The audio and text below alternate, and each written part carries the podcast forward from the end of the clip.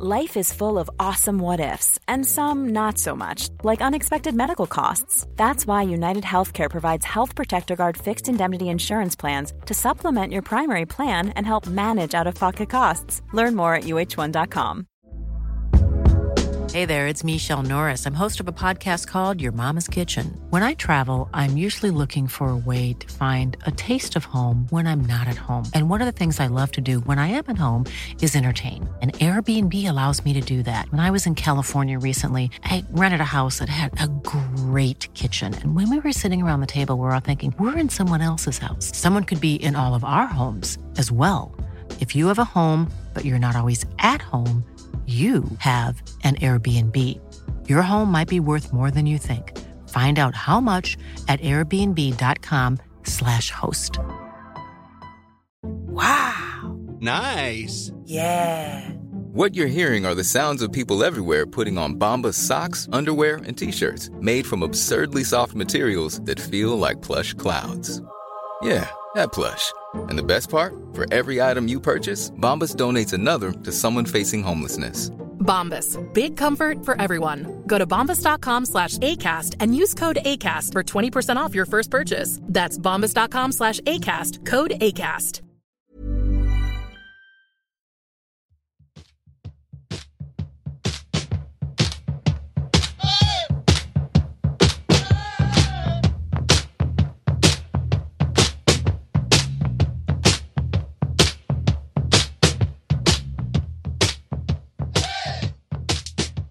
Hej och välkommen tillbaka till Poddplats H avsnitt nummer 65. Podd om hockey och sport i allmänhet och IF Björklöven i synnerhet. Hur är läget Josef Häggblad? Ja, men det är ju inte alls dumt. Du vet, nu är det ju som sommarfeeling här. Det har varit varmt och det är ju i princip helt grönt. Och du vet den här lukten. Det, det, det, alltså, ja, man kan säga så här, man är ju glad att man inte är pollenallergiker, för man fattar ju att vore man det så hade de har inte roligt som det är nu. Men det är ju det är bra. Eh, jag har inte skjutit någon fler gris, men nu är det ju riktigt bra jakt här några veckor och månader framöver. Jag var ute för ett par dagar sedan och såg.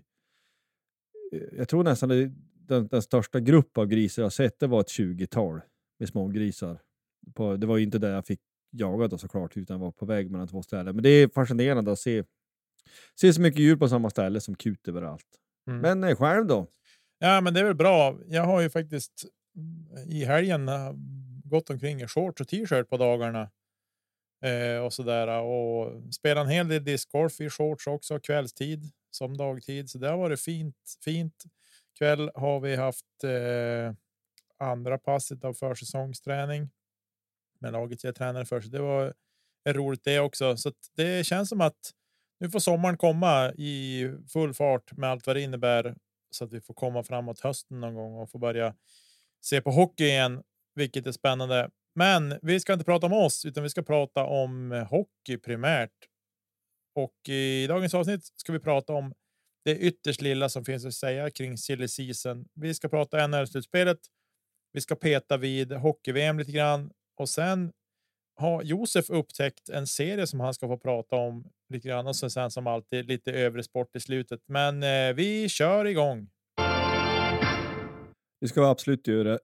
Jag måste bara säga, det här med shorts förresten, det vågar man ju knappt ha.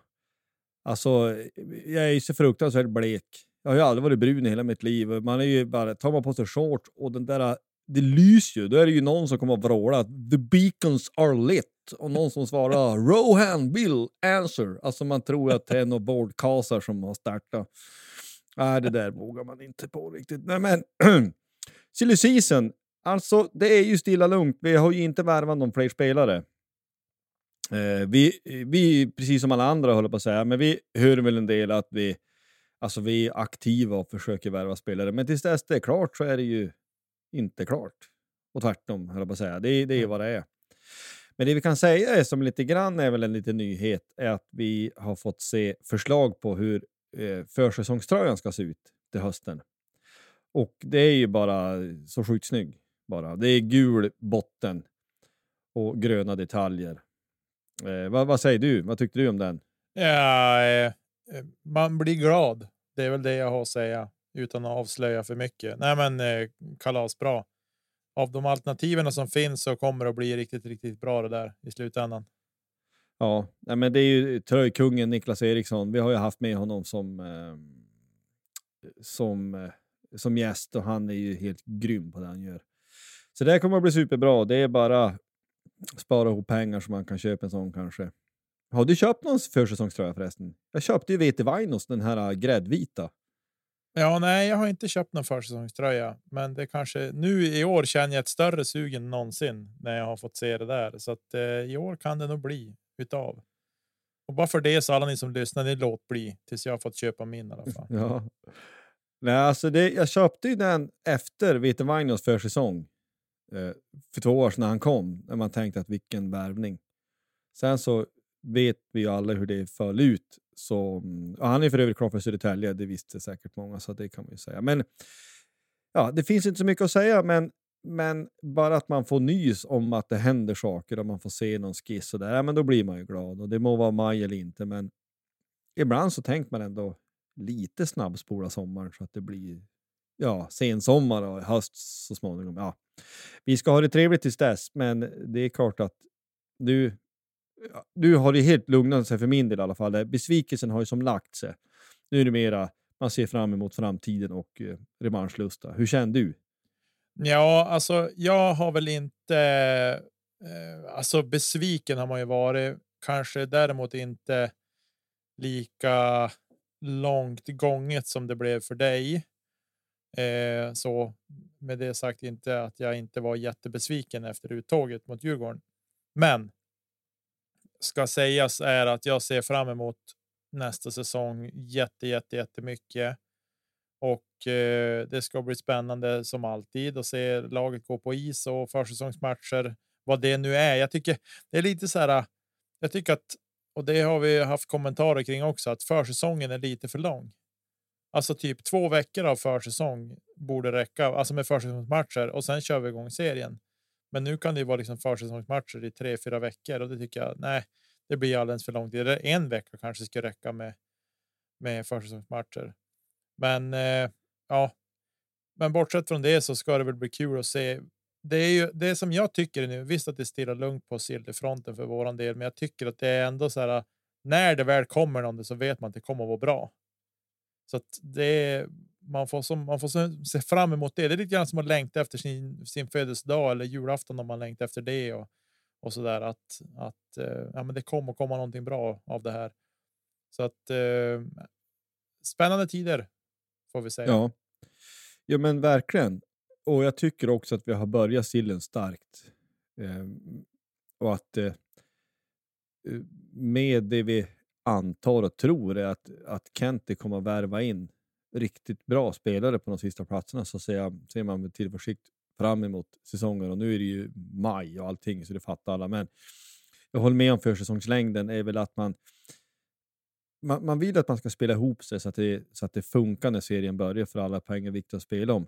Man vill inte heller spela för mycket försäsong så att det, ja, men det är med skaderisk inte minst att folk ska göra illa sig innan det roliga börjar. Ja, men med det sagt så vi går vidare, men eh, det man väntar ju på något vis på Kenticam typ dagligen ändå. Ja, verkligen. Verkligen. Ja, men vi, vi hoppar vidare i det här avsnittet.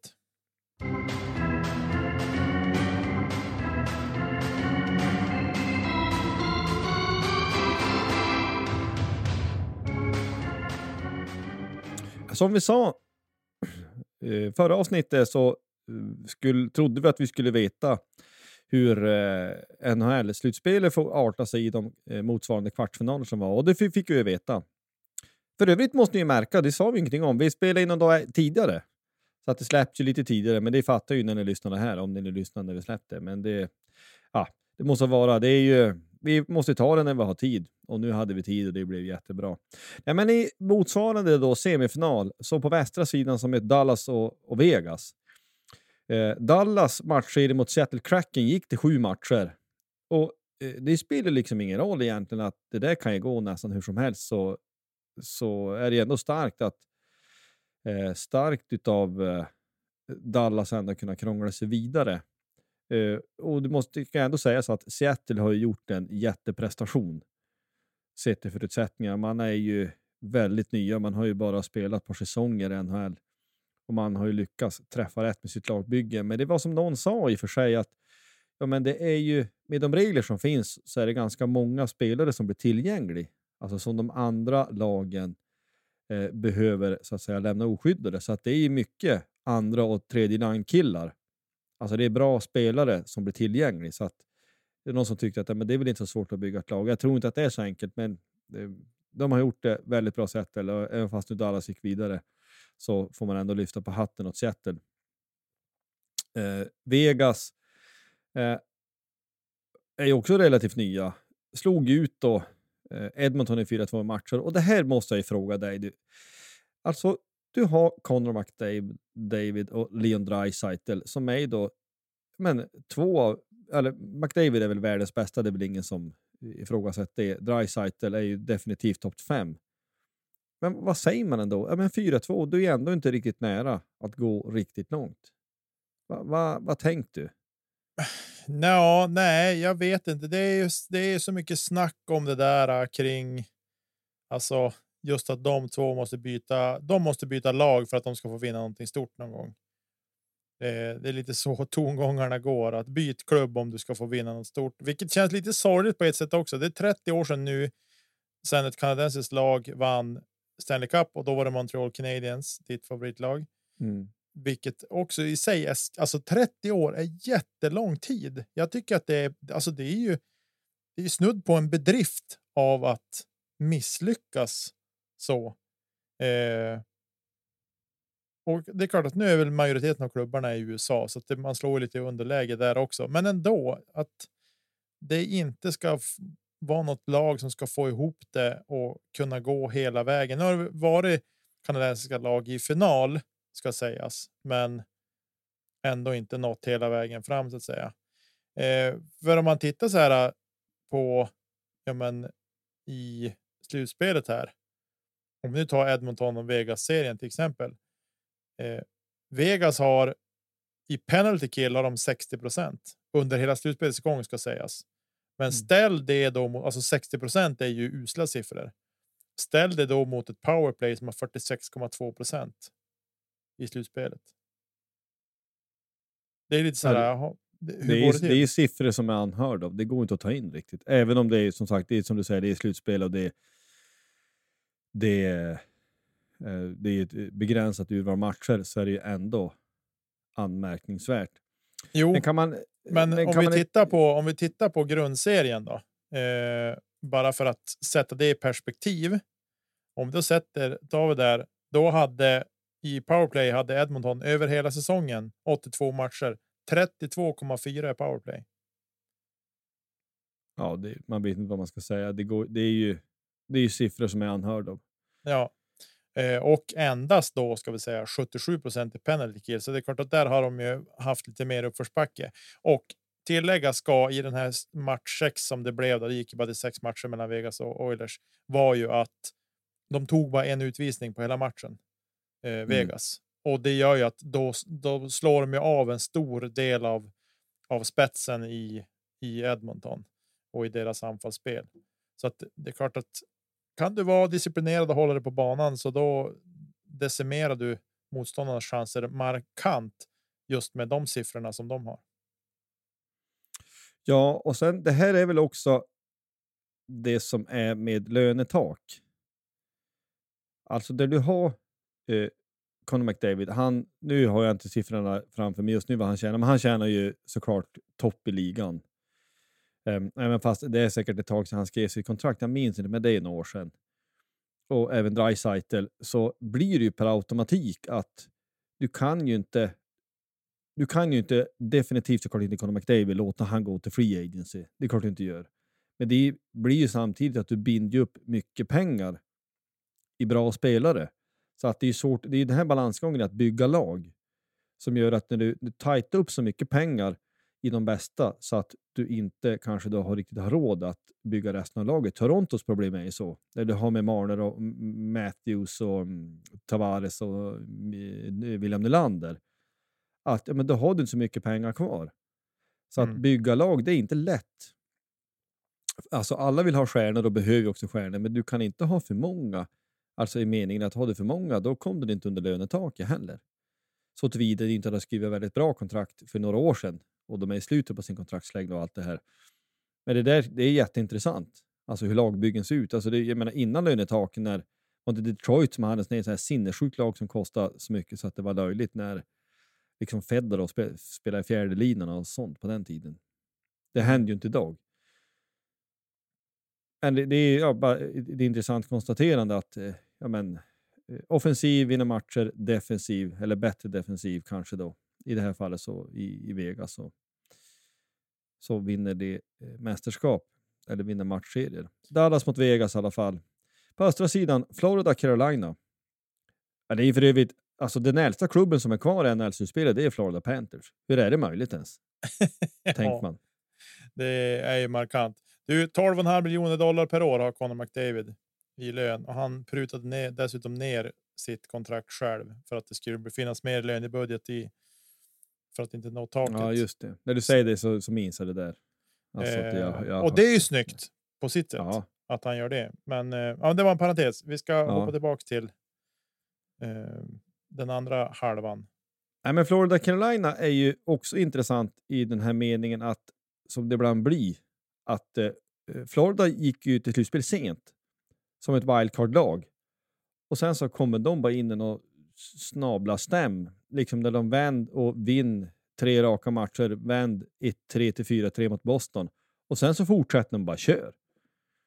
Och Toronto, som eh, det var vi inne på förra veckan med, så krånglar sig vidare. Men, du, ja, men man kom in i det här stimmet där de inte går att slå. Och det spelar ingen roll nu att ja, men det är ju jämnt och det blir overtime. Ja, men jag tror, jag tror Florida har ett sånt självförtroende i truppen nu så att de känner sig invincible. Återstår ju att se om det är så. Eh, men det är ju riktigt bra jobbat och det är lätt då att glömma bort deras motståndare i någon mening. Då. Carolina som eh, ja, definitivt nu senaste, senaste matchen städade ju av eh, New Jersey 4-1. Det är ju ingenting att bråka om. Utan det är ju, måste man säga, är ganska enkelt egentligen. Eh, och sen så vann man med 4-2 då omgången för det mot eh, New York Islanders. Men det är klart att det ska bli intressant att se. Alltså, jag återkommer till det, jag tror vi återkom till det så många gånger, att eh, Stanley Cup det är det största du kan vinna i hockeyvärlden. Ehm, så att det är, för att det är en sån enorm prestation.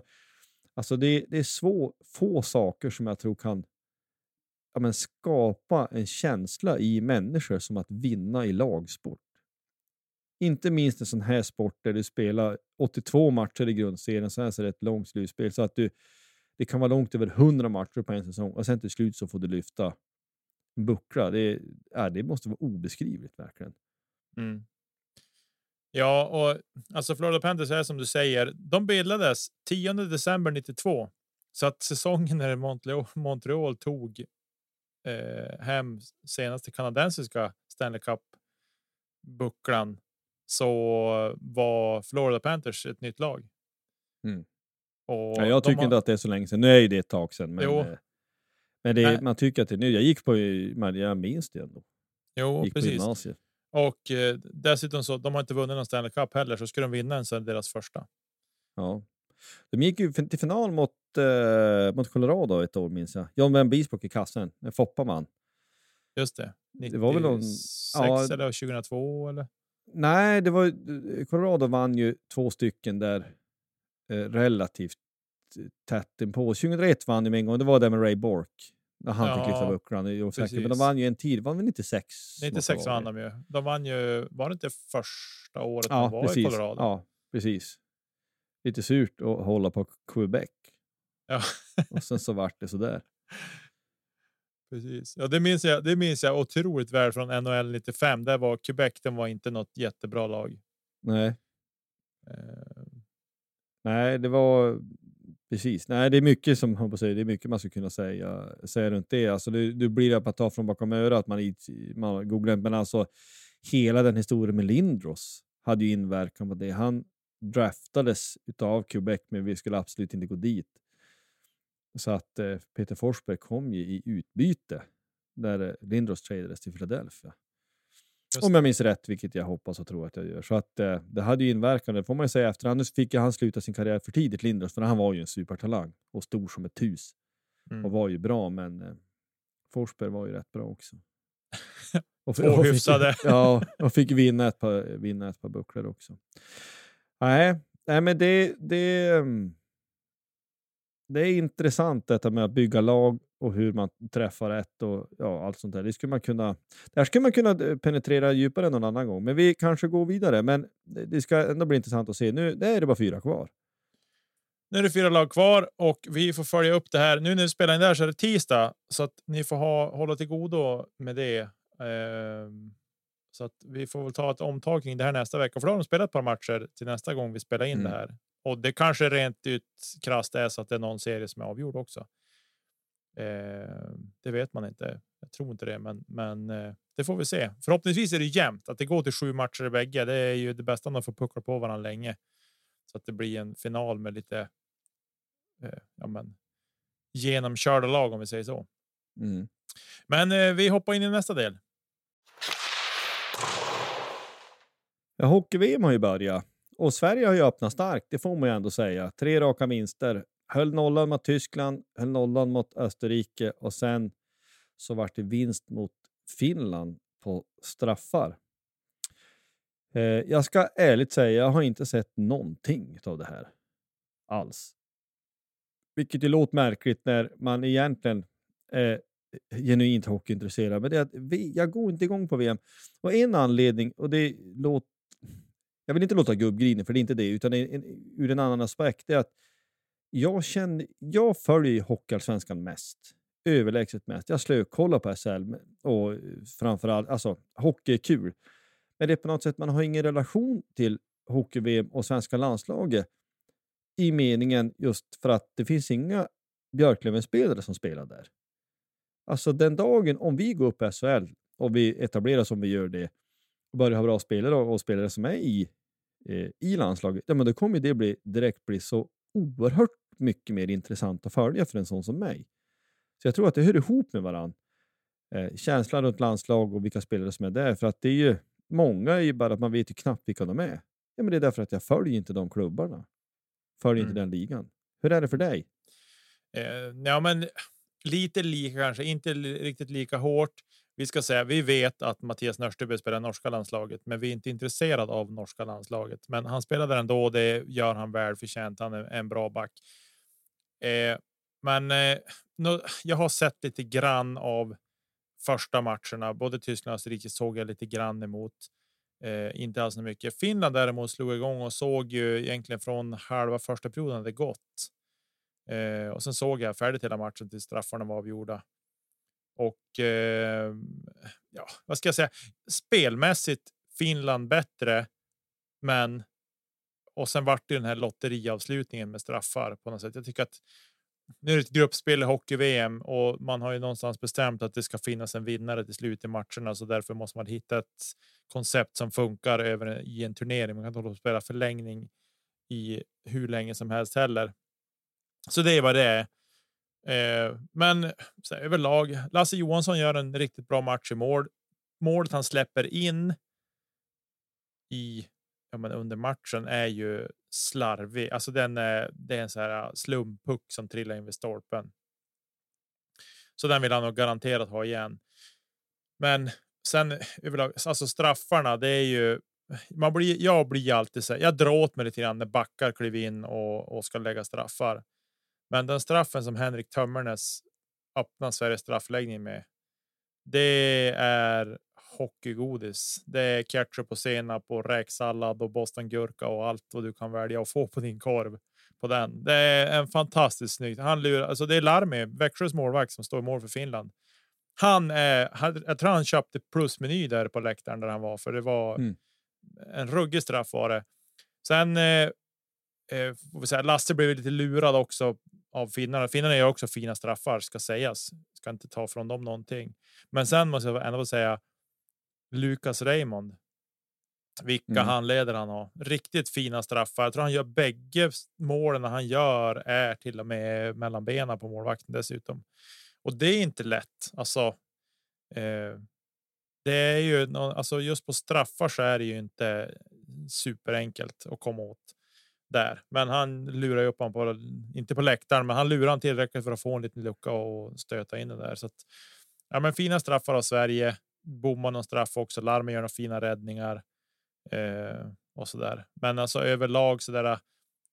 Ja, man, det är målen som avgör, men sett till spelet så hade väl hade Finland, Finland vunnit så hade jag väl inte liksom tyckt att det var orättvist sett till spelet hur det såg ut. Men det handlar om att få in puckarna. Så är det försvara sig ganska bra eh, och så där. Och när vi väl, alltså det var lite som Björklöven. Vi ska inte jämföra Tre Kronor och Björklöven på det sättet, men vi har pratat om det när de trampar, trampar igång och börjar åka skridskor ordentligt. Då etablerade de anfallsspel och det gjorde Sverige ett par gånger under matchen. Eh, och fick ju Finland att börja slå ifrån sig. Annars var ju Finland mer spelförande tycker jag mm. i, i matchen. Så. Jag noterar här att eh, som det brukar vara i VM så, så är man ju också beroende på eh, alltså vilket lag man har beroende på hur det går NHL-slutspelet. Timothy Liljegren och William Nylander är klar för VM ska vara. Eh, om jag har förstått det rätt. Och man skickar hem Joel Persson och Christian Folin. Mm. Eh, och det är ju för, det är ju förstärkningar, det måste man ju säga. Eh, ja, men det, där, det där får vi på något vis också följa upp. Och, eh, om man skulle ställa frågan om jag kommer att se på någon match, ja, men det är klart det kommer man göra. Det brukar man göra när det drar ihop sig senare. Men det, jag har lite svårt att gå igång. Och det är väl också så att eh, jag tror att landslaget generellt inte är samma sak. Alltså generationen med 70-talister, ja, men med Sudden, Foppa, eh, alla de, alltså den generationen spelare, de växte upp med drömmen att spela landslaget. Den drömmen ser inte likadan ut. Nu är drömmen snarare att spela NHL. Mm. Så att det finns inte den, den känslan runt att spela i Tre Kronor. Däremot så tror jag säkert såklart att folk är stolta över att dra på sig landslagströjan och det är någonting speciellt. Men det blir någonting. Det är lite annat därför att men helt enkelt tillvaron och hockeyvärlden och världen ser ut annorlunda idag än man gjorde för 20 år sedan. Helt mm. enkelt. Men vi, vi kanske går vidare så får vi eh, se på ja, men, om någon vecka till hur VM har sett sig, tätt sig. Jo, nej men det är ju så här. Jag snubblar ju över en serie på Netflix som heter King of Collectibles. Har du hört talas om den förresten? Nej, jag tittade. Jag kollade in hur den såg ut eh, när du nämnde den idag när vi hördes av. Eh, så inte mer än så. Nej, nej, men det är ju helt enkelt en serie om en auktionsfirma i USA som har specialiserat sig på bland annat sportprylar, memorabilia. Eh, som upplägget är så förstår det som att eh, om du äger någonting som är väldigt värdefullt så kan du gå till auktionsfirman och få den såld och de tar en viss procent utav det, det, eh, det de drar in. Och det är de då duktiga på att sälja. De har en auktionssajt liknande Tradera fast bara de. Jag var inne och mm. kollade på den sen och det finns allt möjligt. Och då eh, kontaktar de ju eh, de, de, de, har ju kontakter så att de känner ju en massa människor. Och det, hela, det är väl sex eller åtta avsnitt. De far ju runt till folk som de vet har samlingar på olika sätt. Och Det kan vara Pokémon-kort och det kan vara allt möjligt. Inte bara sportprylar, men mycket sportprylar.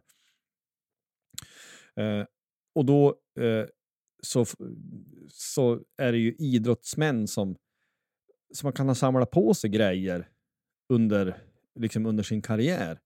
Bland annat så var det, låg det ute, mm, jag tror jag skickade tidigare, alltså mitt lag, eller mitt och mitt, det lag som jag följer i den amerikanska fotbollen, San Francisco 49ers, hade en gammal quarterback som hette Joe Montana. Det var en del grejer som han hade haft. Eh, både spela med hans klockor och lite allt möjligt. Och jag går igång så vansinnigt på det. Det skulle vara helt sjukt att kunna få äga någonting och veta att den här har han spelat matcher med. Eh, och Man hade också ett annat exempel. Det var Carl Malone, är ju en gammal eh, legend inom i NBA. Alltså han var helt grym, kallades för Mailman och var hur bra som helst. Han spelade i första Dream Team-laget OS 92. Och eh, han hade samlat på sig matchtröjor till hela laget. Han berättade själv att ja, men de slängde sig bara på golvet efter matchen. Om det var efter finalen till och med, men det minns jag inte. Men eh, någon match där och hans fru samlade ihop dem och bara stoppade dem i en väska. Och han inser på vägen hem att nu, för, nu eh, jag inser vad det är jag har samlat på för någonting. Så han hade en komplett uppsättning utav matchställ från det första Dream Team-laget, vilket du måste betrakta som kanske det största och viktigaste basketlaget i världshistorien. Den eh, liksom, tröjsamlingen räknar man med att få minst 10 miljoner dollar för. Det går inte att ta in. Men eh, ja, jag kommer att tänka, och det var, det var en massa saker, väl värt att se tycker jag. Men det är klart att det, det är ingen som tycker att det är rimligt att det är så sinnessjukt mycket pengar för matchprylar. Ja, det, var ju, ja, det var mycket basket, men det var ju allt möjligt annat konstigt. Och någon som hade samlat på miljontals baseballkort och såna här, ja, men, ja, vissa samlingar som nog inte finns. Men jag skulle komma till att jag kommer att tänka på så här, ja men vad finns det för liksom Löven memorabilia som man skulle vilja ha? Alltså rent teoretiskt Niklas, om, om det fanns någonting som ja, men den här tröjan, eller den här klubban, eller den här skrillan, eller den här någonting vad som helst. Vad skulle det vara? Typ. Det är en lite svår fråga kanske, men om du tänkte, ja men det här skulle jag verkligen vilja ha. Ja, alltså jag... Vad ska jag säga? Att jag, det, är, det, är, det är många saker jag känner så spontant som man skulle vilja ha. Och säkert som man kommer på när man hör någon annan säga, men det är klart att jag också vill ha den. Men en sak som jag faktiskt skulle vilja ha, det kan låta helt absurt egentligen, men klubban som Martin Vita stängt in 2-0 med mot Södertälje 98. 100 procent. Alltså den, det är sådär, ja den ska ju vara fin att ha. Eller typ Jörgen Wikströms matchtröja den matchen eller målvaktsmasken, stoppen, plocken, ett benskydd, klubban. Alltså något sånt skulle vara helt magiskt att, att få fatt i. För det, det, du har ju SM-guldet som ditt första riktigt fantastiska och det mest mm. fantastiska den här klubben har varit med om som blev en minne. Eh, och den första match du var på.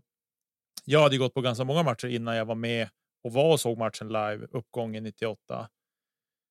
Eh, men den är ändå den som jag minns allra mest och som har etsat sig fast hos mig allra mest också.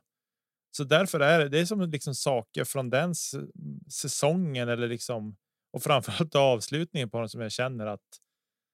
Nej, men det är nog någonting som jag skulle vilja ha. Den klubban primärt. Sen matchtröjor i all ära sådär, men men eh, klubban är nog någonting jag skulle ha.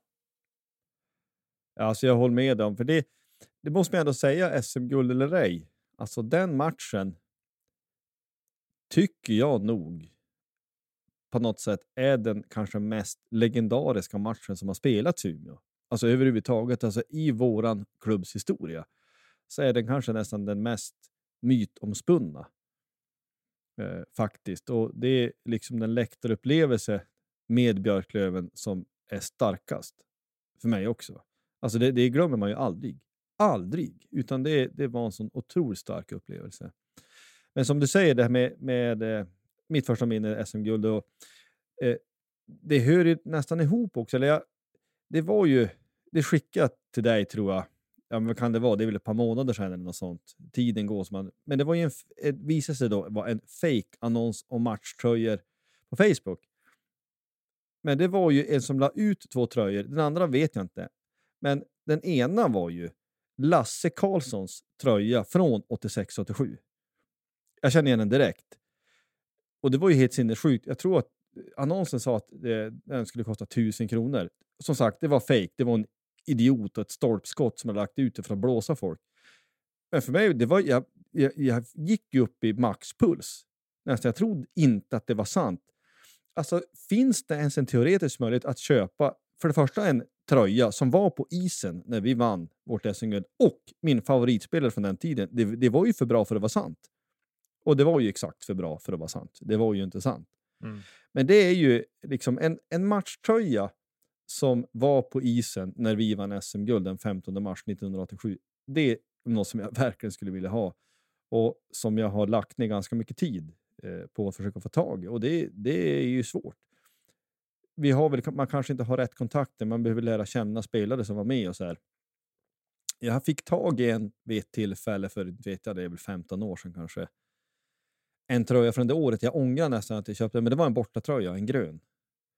Eh, så den eh, skulle, ja, den, den, var till salu. Men jag, då det, det brann liksom i min hjärna. Jag, hade som, jag trodde att jag skulle kunna få tag på en tröja som var på isen. Och så när det inte var det, för det kände jag ju igen direkt. Så det var brann i mitt huvud, jag gick bara ut. Så i efterhand kanske det var osmart. Men så, så var det i alla fall. Men det här är superintressant. Eh, superintressant. Just, det ska vara intressant att veta vad som finns. Alltså om Björklöven själva har sparat grejer som kanske skulle kunna vara upphov till någon slags eh, eh, eh Hall of, Björklövens egna Hall of Fame eller egna retromuseum. Det skulle jag tycka var superintressant. Själv att gå i.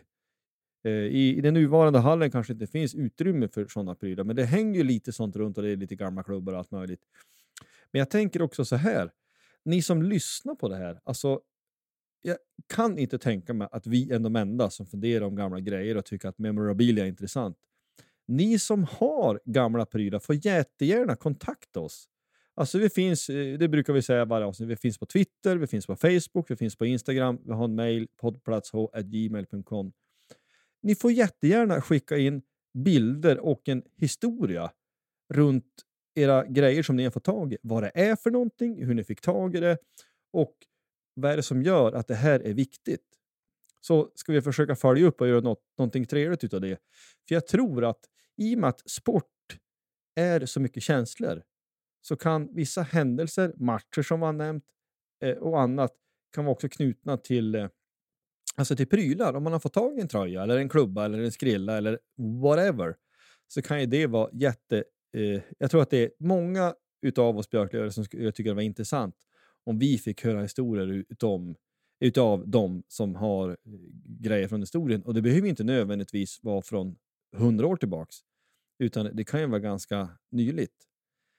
För, för det är väl också lite för mig skillnad på merch som bara numera som man sedan länge kan beställa på eh, internet och givetvis och, och som man jättegärna, jättegärna, någonting som man gör rätt ofta. Men också saker som faktiskt är matchanvända. Jag kan nämna ett exempel. Jag fick ju tag i, eh, eller fick tag i, ehm, jo, när det var det då, seriepremiären för, måste vara något år innan pandemin. 16, 17 någonstans, 16, 17, 18. Så hade man ju någon förrådsrensning och sålde gamla tröjor. Så jag fick ju tag i en matchanvänd tröja från 85-86, alltså året innan guldet. Och det är en tröja som jag värdesätter mycket själv. Men det är nummer 11. Och det har jag också försökt att lägga ner tid på att ta reda på vem det är. Eh, och jag gissar att det är, eller det är jag ganska säker på, att det är en gammal så klassisk eh, 18 tröja. Alltså det är någon reserv. Du spelar med 3 5 två målvakter, det är 17 ombytta. Och så hade du en 18 som var reserv om någon skadade sig. Så det är någon sån. För att det, jag har, ingen jag har pratat med som eh, känner till någonting om Löven vet. Det var ingen så att säga, officiellt i truppen som hade nummer 11, men det skulle vara superintressant att veta. Vem var det som använde den där egentligen? Till Mm. exempel. Nej, men det får ni jättegärna göra. Det vore otroligt roligt om ni kunde höra av er via de vägar som vi har sagt. Så ska, kan man nog höra lite stories. Men har, har du några grejer i övrigt, alltså matchtröjor är någonting som folk har använt till exempel? För det kommer ju ut någon gång ibland. Nej, ingenting sånt. Jag har inte varit nog pigg. Jag har sett, men jag har inte varit nog pigg på att hugga på och köpa. Så eh, helt enkelt och därav anledningen. Och så nu har man ju. Mina barn kommer ju ha grejer från när de var unga, när de blir äldre. Signerade tröjor. Bägge pojkarna har ju ja, men Pole och Kronholms eh, signaturer på sina tröjor bland annat. Eh, och så där. Så att det, det är de tröjorna kommer att bli någonting av någon dag framöver. Eh, eller om några år så att säga. Men eh, nej, ingenting sånt. Jag skulle väl egentligen vilja ha tag i någon. Någon tröja, någon matchanvänd tröja. Det, års, alltså. Det är klart att 98 hade ju varit drömmen. Det, det är lodjuret Josef. Ja, Eh, men Nej, ändå. det- det- den betyder, ska ändå ha betytt någonting. Sådär att det hade varit kul. Men sen här, rent överlag, rent krasst. Jag skulle kunna tänka mig nästan en tröja från vilket år som helst i princip. Bara för att ha en matchanvänd tröja. Mm. Ja, men jag vet inte hur det är nu, men som jag vill minnas det. Eh, ja, men jag, man gick ju på några matcher sen sent 80-90 så var det mycket små grabbar som tjatade om att få klubbor till exempel. Och det var väl en annan som gav bort dem. Jag minns, vi mötte Västerås vid något tillfälle och jag försökte, men det gick ju inte. Han den var ny så han ville inte ge bort det. Och det var ju en Västerås-spelare, Mm. kommer jag ihåg. Ehm, så att sånt kan ju vara kul att ha kvar. Och sen så, för det, det är skillnaden, för vi har ju själva, eller Björklund har ju själva auktionerat ut årets matchtröjor, såg jag. Ehm, och det hade ju varit kul, men det, det är väl lite grann historien man vill åt. Som Mm. du säger, jag skulle ju otroligt också gärna vilja ha en tröja som var på isen 98. Det säger sig självt, lodjur eller ej. Alltså det hade varit fantastiskt kul. Mm. Eh, och jag vet inte var sånt här tar vägen. Jag utgår ifrån att det egentligen är spelarna själva som så att säga äger dem på något sätt. Eller de, de, ja, det har jag ingen aning om. Nu sitter jag bak och gissar här. Men jag utgår från att det, det är på något sätt att när säsongen är slut så jag kan inte tänka mig att så tillvida att man inte kommer överens om nu som i det här fallet att vi ska auktionera ut dem till supporterspelarna och till klubben så ja men när säsongen är slut så behåll du tröjan. Inga konstigheter, Ja. tänker jag. Gammalt vis tänker jag då i alla fall att det var så. Säkerligen. Och de hamnar väl i någon låda eller åker på någon åker, återvinning eller second hand eller någon. Jag har ingen aning. Men jag tänker att i alla fall gammalt tillbaks tror jag definitivt att det var så. Eh, däremot idag så är det väl ja, men som du säger att man, man försöker sälja bort dem helt enkelt. Eh, för de, hur den är, matchtröjor är inte billiga att ta fram och, och hela den biten. Så att eh, Nej, men det är ju ett enkelt sätt att snabbt få in pengar. ja, verkligen. Låt säga att du får 1500 styck för dem eller något sånt. Nu kanske jag räknar högt eller lågt, men jag tror att det är ingen... Jag tror inte att jag räknar för högt i alla fall. 1500 styck och sen är det 20 tröjor eller vad det kan vara. Mm. Det, det, men det, det är ett snabbt sätt att liksom få in eh, x antal tiotals tusen, så det är väl in, ingen dum idé. Och sen, jag vet inte hur viktigt sånt här är för spelare heller. Och de tycker att de för sin egen del att det här vill jag ha kvar för att se, eh, se tillbaka på när jag lägger av med hockeyn. Men eh, jag tror att det är minst lika viktigt för supportrar om jag skulle bara gissa. Faktiskt.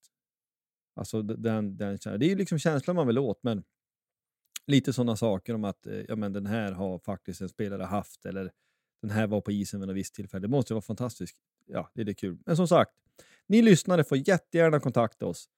Eh, Poddplats H på Twitter, Facebook eh, eller Instagram. Ni kan DM oss och gärna skicka någon bild också. Poddplatsh.gmail.com går också att mejla. Det vore jättekul om ni gjorde det så får vi kanske lite eh, ett, eh, litet inlägg eller ett kartotek över de, de schyssta eh, retroprylarna som, som finns ute i landet. Och så går vi vidare.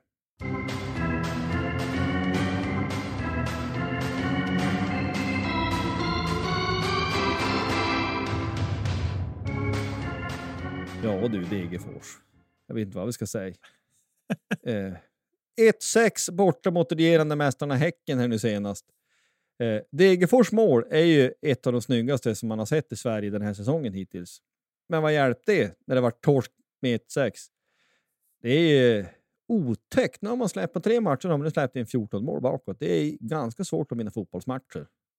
Ja, det är tufft. Det är ju inte innebandy eller hockey vi spelar oavsett och det är inte lätt om man släpper in 14 mål på tre hockeymatcher heller och vinna dem. Men. Eh, nej, det där är ju är ju märkligt. Ändå, men eh, ja, såg du matchen? Eh, nej, jag jobbade eh, så att jag såg... Ja, jag, jag började se andra halvlek och direkt jag började se så gjorde Häcken mål. Ja, men då stängde jag. Alltså, det tog inte fem sekunder från det jag slog på tvn. Helt osannolikt. Och då att, ja, men jag, det här, jag vet inte vad jag är i bad karma eller vad det nu må vara. Det där går inte att se på. Eh, så att man... Nej. Nu är Häcken bra. Som sagt, de är regerande svenska mästare. Men det, det ska ju ändå inte få, få se ut så man är ju lite fortfarande lite för naiva emellanåt. Alltså deras... Det blir som med hockey. Ibland måste du dra pucken plex ut. Tjonga långt och rensa och inte... Man, ska, man har någon slags idé du ska förhopp, alltså förhoppningen att du ska kunna spela dig ur pressen och spela sig ur situationen. Men ibland så går inte det. Det är bara så. Eh, dunka icing behöver inte vara dåligt. Det vet alla som... Eh, du vet alla som eh, har hållit på med hockey lite grann. Man är ju nu på kvalplats så att det börjar se rätt allvarligt ut om man får säga så. Så att jag hoppas verkligen att eh, det kan ordna till sig eller att det på något sätt man styr upp det där. Sen det kom ju ett sommarfönster här så kanske man värvar någon, någon spelare Det är intressant att, eh, att Malmö är ju obesegrad. Och de har till och med vunnit alla sina matcher hittills. Man har vunnit åtta raka och mer eller mindre har man nästan, höll på att säga, man har ju stängt serien. Mm. Jag vet inte hur man ska kunna lyckas att göra något annat än att, alltså vinner du inte här så är det ju helt osannolikt. Ja, Man leder redan med fem poäng. Just Eh, det. Det är så. Men till helgen möter man AIK i alla fall, hemma på Stora Valla på lördag. Jag hade tänkt dit om jag... Eh, ja, jag har tänkt dit. Helt enkelt. Och AIK går ju dåligt också. Eh, och de ligger bara position ovanför på samma poäng. Men med bättre målskillnad, vilket inte är så konstigt. När du har minus 15 på åtta matcher, det ska ju inte ens kunna vara möjligt. Försvar är fånigt Niklas. Det är, det är, dum. det är amatörer som håller på med det. ja, ja uppenbarligen i Degerfors är det amatörer. Ja, Får vi Nej, säga. så det där får man, får man ju hoppas att, eh, att det kan styra, styras upp lite grann. Men det vankas ju fullsatt. När storstadslagen på besök, det är det ju ändå kul. Det är li- liksom ett par tusen, eh, eller vad det kan vara. Ja, AIK som kommer, det brukar vara bra drag av brännbengaler och lite sånt. Härligt. Om man nu, nu gillar det. Precis. Ja du Josef, jag har inget mer att tillägga i det här under övrig sportsegmentet. Det är som sagt var tisdag idag, så vi släpar säkert. Ni kommer säkert att vara galen över att vi har missat saker, men det är som sagt var tisdag och så. Jag drar till Norge och ska dra upp några stora torskar och allt möjligt hoppas jag på. Någon hälleflundra hade väl varit kul att få fiska upp också, så vi får se vad det blir för någonting. Jag får väl återkomma i frågan kring det där. Men, men då måste jag fråga, är det, far du dit på ja, men en, en fiskeresa? Har du kontakter eller är det någon sån här, du, du, man far man med någon guide eller hur funkar sånt? Jag har aldrig fiskat i Norge så. Nej, alltså vi, det, det är så här. Eh, svärmor fyllde 70 förra sommaren och då fick hon den här resan. När svärfar fyllde, fyllde 70 2018 vid jul fyllde han år, så då var vi iväg i augusti 2019. Åkte vi iväg eh, och då var vi dit, dit på samma ställe vi ska nu. Eh, ett ställe som heter Polar Camp eh, som ligger en bit ifrån Mo i Rana ute vid i ute mot havet till där vid en, vid en fjord såklart.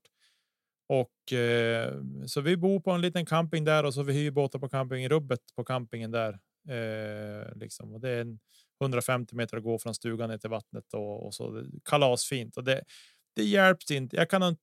Jag kan inte säga det tillräckligt många gånger och tillräckligt högt tror jag, men alltså norska kusten. Den är fruktansvärt häftig och fantastisk när man liksom är kanske. Ja, nu är det svårt att uppskatta när man är ute på vattnet hur långt man har in till land, men säg att man har 100 meter in till land. Och där är det liksom där är det land och du tittar på ekolodet och så är det 300 meter djupt där du är. Alltså den här äh, skillnaden på så kort sträcka. Alltså det är så fruktansvärt djup på sina ställen. Så att det, det, är svårt att ta in att det kan vara sån skillnad och så är det liksom berg, höga toppar som är liksom. Det bara är liksom en bergvägg som går rätt ner i vattnet. Det är riktigt häftigt att, att se, så jag kan varmt rekommendera att åka dit. Om inte annat bara för att fara dit och vandra och gå. Man behöver inte åka dit för att fiska, utan man kan dit. Det finns mycket fina vandringsleder också, men Polar Camp heter i alla fall stället vi ska till och eh, vi har varit där förr och det var kalasbra då så att eh, vi ser fram emot det här. Helt enkelt. Så det är en present alltså- vi åker på.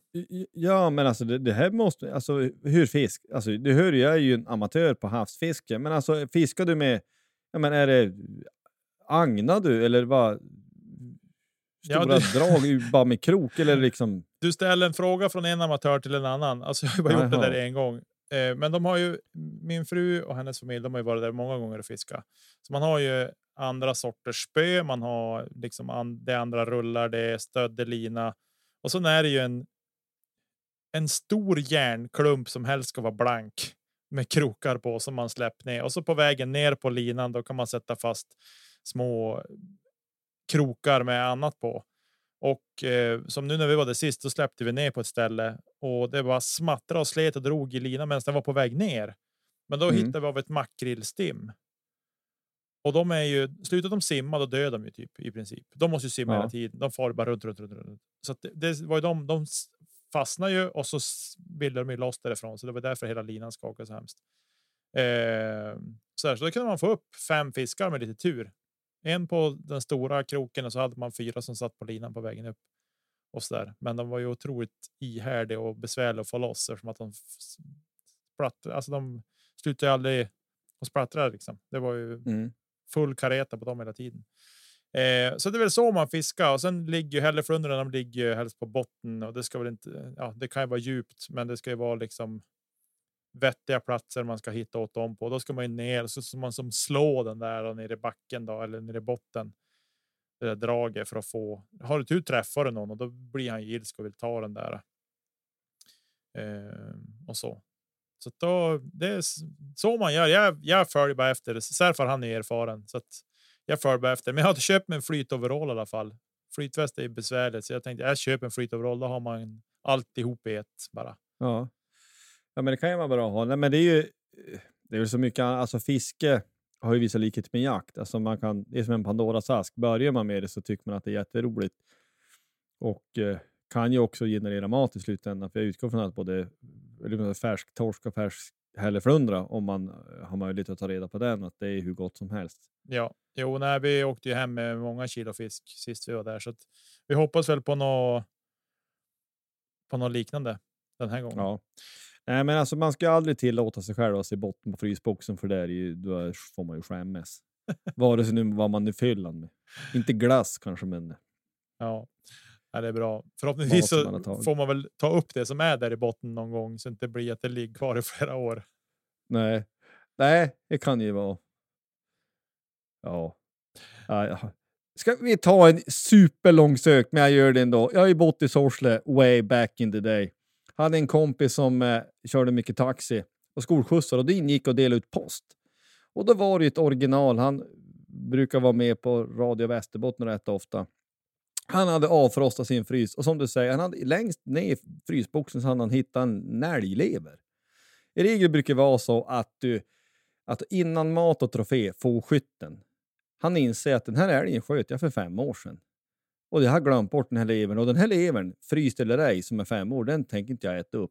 Men jag far till Bernt, som han heter. Han brukar vara snål efter innan mat. Ja, så han gav man till han och sa att du får väl kasta bort den här om du inte tycker att det är... Men kast bort, inte kast man ju bort bäste. Så då eh, frågade han någon vecka senare då när han delade ut posten igen hur, hur det gick eh, med den här levern. Det gick ju fint. Jag kom ju på att jag just uh, köpt en ny mikrovågsugn som är en Alta Körve. Sen hade ju hivan den frysta levern in i mikron och bara körd. Det var bara skära och äta hova sig gött. Jag orkar inte. Och så undrar folk varför man kan sakna Västerbottens inland. ja. ja, fast jag ja, ja, ja, nej, man blir ju lite tveksam när man hör sånt där. Men ja, ja, så kan det vara. Ja, men det- du- han, var, han var en legend den mannen. Ja, Han tog reda på en älg som kom och flöt en gång. Som hade gått ner sig på isen. Men vi, vi lämnar det därhän. ja, vi får ta upp det i jaktpodden som vi släpper något nytt av här kommande Ja. veckor. Det får vi göra. Nej, men vi säger väl så här. Tack för att ni lyssnade. Och eh, det, vi, det vart någon dag, dag tidigare och så nästa vecka då kliver vi på det igen. Björklöven, det är ett året runt projekt eh, som jag tror att de eh, flesta ihärdiga Björklund-supportrar på något vis har insett sedan länge. Så tack för att ni lyssnade och Forza Löven! Hej då!